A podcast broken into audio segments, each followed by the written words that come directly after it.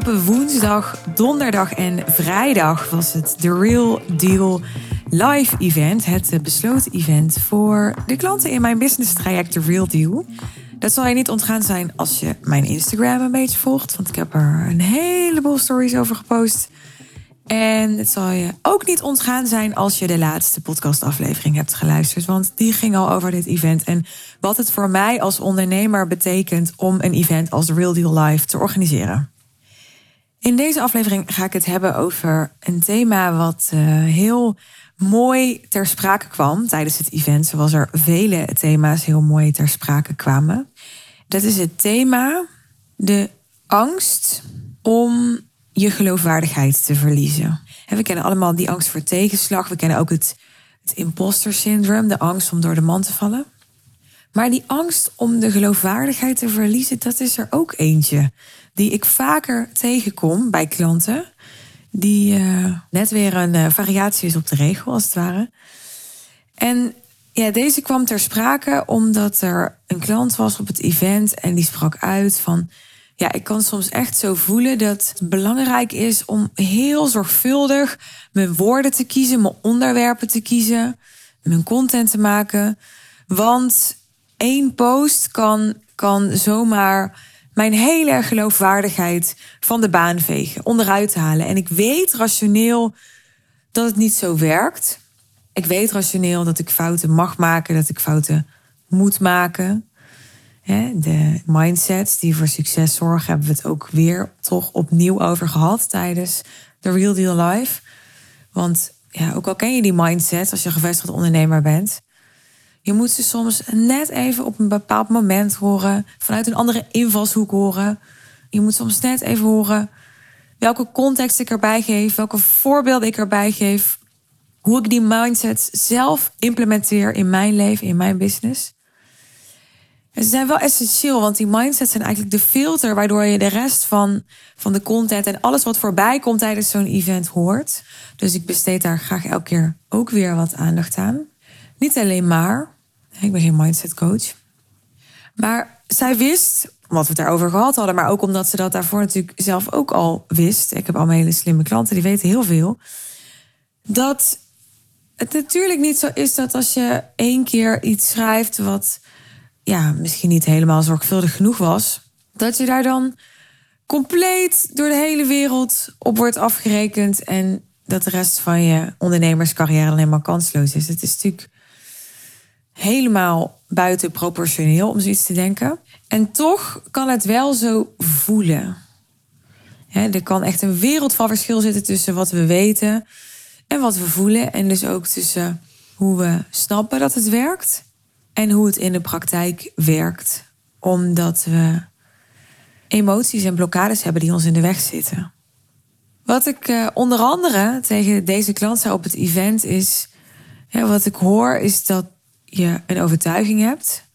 er zit toch ergens, al is het dan onbewust, omdat je op bewust niveau weet dat die overtuiging niet klopt, maar op een onbewust niveau zit er de beperkende overtuiging. Als ik niet zorgvuldig genoeg ben, dan verlies ik mijn geloofwaardigheid.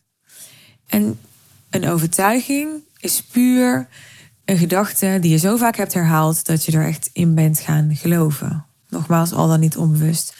Dus die kun je echt herschrijven, herprogrammeren. Conditionering is dat. Door andere gedachten maar vaak genoeg te herhalen wat ik merk is dat veel ondernemers dit niet doen, omdat het misschien wel te simpel voor woorden is en omdat ze ook vaak gewoon de discipline niet opbrengen om dat te doen. Is gewoon discipline. we vinden het stom om als een soort corvée honderd keer dezelfde zin op te schrijven. En toch ben ik ervan overtuigd dat het kan werken. Want je programmeert jezelf op die manier mee. Ik heb ooit gehoord, ik weet niet of het waar is, ik heb het hem niet persoonlijk gevraagd. Maar dat uh, Tony Robbins ooit audio's insprak voor hemzelf met I am unstoppable, I am unstoppable. En als hij dan ging hardlopen, dan ging hij die audio's afluisteren. En dan ging hij dus zijn mind programmeren met dat hij onoverwinnelijk is. Zo werkt het met overtuigingen. Maar daarnaast stelde ik haar ook een coachingsvraag. Dat is de vraag die overeenkomt met de titel van deze aflevering, namelijk de vraag: wat als het niet belangrijk voor je zou zijn om geloofwaardig te zijn? Wat als het niet belangrijk voor je is om je geloofwaardigheid te behouden? Wat als het niet belangrijk voor je zou zijn om je geloofwaardigheid niet te verliezen? Ik vind dit zo'n krachtige vraag. Wat als het niet belangrijk voor je zou zijn? Het is een vraag die je helpt om over je blokkade heen te denken. En mijn klant zei, ja, het eerste wat in me opkomt is, is ja, then I would rock it. En dat is precies wat er gebeurt. Beperkende overtuiging, die wij zelf belangrijk maken door eraan vast te houden, die is wat ons in de weg staat van dat wat we echt willen. Het is ook iets waar ik voor sta. Kies voor dat wat je echt wilt, zonder concessies. Veel ondernemers doen concessies. Vaak doordat ze beperkende overtuiging hebben. Die gaat over dat het niet mogelijk is om geen concessies te doen. Dat het niet mogelijk is om en en te hebben. dat het niet mogelijk is om en te kunnen investeren in hun team en uh, zes weken op reis te kunnen met hun gezin. En ik zeg niet dat je niet scherpe keuzes te maken hebt als ondernemer. Ik zeg niet dat je niet heel bewust hebt te prioriteren. Maar ik zeg wel dat er zonder beperkende overtuigingen of met veel minder beperkende overtuigingen er veel, veel meer mogelijk is. Zo ook voor deze klant. Nu ben jij het die deze aflevering luistert. Nu heb ik deze klant niet voor me. Maar nu beeld ik me even in dat jij hier tegenover me staat. of dat jij deze voice memo van me hoort. Wat als het niet belangrijk voor je was om geloofwaardig te zijn? Wat als je onthecht zou zijn van geloofwaardig zijn? Wat zou je dan doen? Ik zei daar, terwijl ik voor al mijn klanten stond, ik zei: Weet je, er zijn zoveel mensen die mij niet geloofwaardig vinden. En ik sta hier ook. Zoveel. Waarop een van de klanten uit de zaal mij bijviel en zei: Ja, ik vond jou ook helemaal niet geloofwaardig. Ik dacht steeds: Nou, dat kan toch helemaal niet. En nu zit ik hier. Dus ik kreeg gelijk bijval, ik kreeg gelijk bewijs. Ja, om heel eerlijk te zijn, het is niet zo belangrijk voor mij om geloofwaardig te zijn. Het is wel belangrijk voor mij om te doen wat binnen mijn invloed ligt. Om bijvoorbeeld geloofwaardigheid op te bouwen, mijn geloofwaardigheid te versterken. Maar ik focus me op de actie. Ik focus me op wat binnen mijn invloed ligt, wat ik kan doen. En wat ik kan doen is uh, zorgvuldig zijn, is uh, hele goede social proof verzamelen, is uit mijn comfortzone gaan als het gaat om de resultaten waar ik op focus met klanten. De resultaten waar ik op focus met klanten durven te extremiseren. Te durven kiezen voor een hoger niveau klant. Hè, waardoor ik ook meer autoriteitspositie claim. Omdat ik grote resultaten kan halen met een hoger niveau klant. Hè, ik kan meer rendement halen. Ik ga meer respect afdwingen.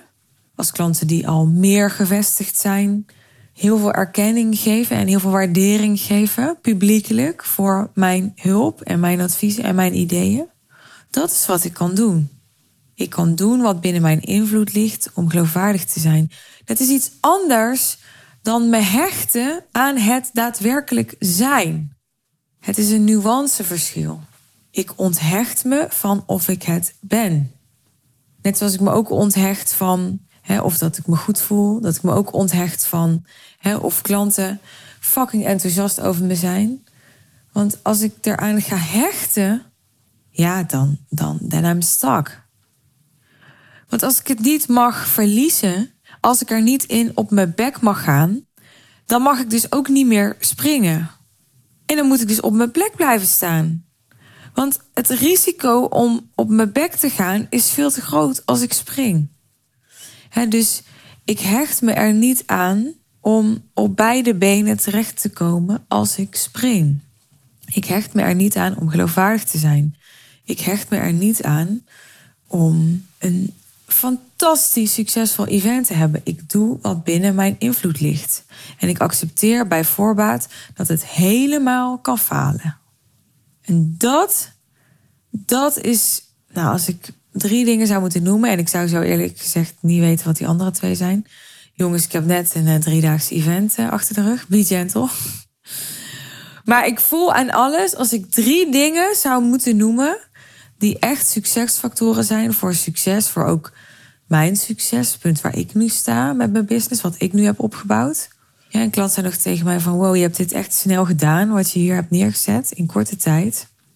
Als ik een succesfactor daarvoor zou moeten noemen, één uit de top drie, is het absoluut onthechten. Het niet belangrijk maken om het te zijn, om het te hebben, om het te kunnen. En paradoxaal genoeg gaat dat enorm de kans vergroten dat je het hebt, dat je het kan, dat je het doet, dat je het krijgt.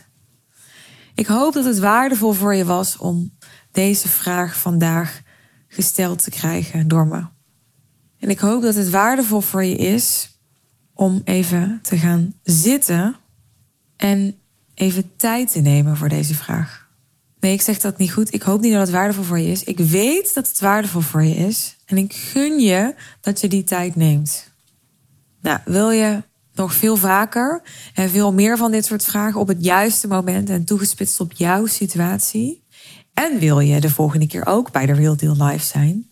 En dit soort vragen ervaren met de, de bedding en de support en de feedback van de community die je krijgt bij de Real Deal erbij. En, en die is echt magisch op zo'n event. Hè. Daar, ja, daar kan je echt. Sommige klanten die, die hebben daar gigantische doorbraken door. Die kunnen daar maanden op teren op die doorbraken. Boek dan nu vandaag nog je call met ons over mijn business traject The Real Deal. Boek je call, bespreek met mijn team in 15 minuten. Dat is de eerste stap die je kunt doen. 15 minuten call boeken met mijn team. Of dat de real deal passend voor je is. Daar kun je je nooit een bel aanvallen. Kost je niet veel tijd. Is gratis. En als het passend voor je is, dan zullen we dat eerlijk tegen je zeggen. En dan ga ik één op één met jou in gesprek. Om je mijn ideeën en mijn perspectieven te geven voor jouw business en voor jouw ambities. Dat wat paradoxaal genoeg, gezien de titel van deze aflevering, belangrijk voor je is. Wil je daar met ons over in gesprek? Ga naar de show notes en klik op de link naar The Real Deal. De sales page over The Real Deal. Daar vind je jouw timeslot om jouw call met ons te boeken. Ik wens je een hele mooie dag. Dank je wel voor het luisteren. Dank je wel dat je even deze, dit kleine kwartiertje met me wilde delen.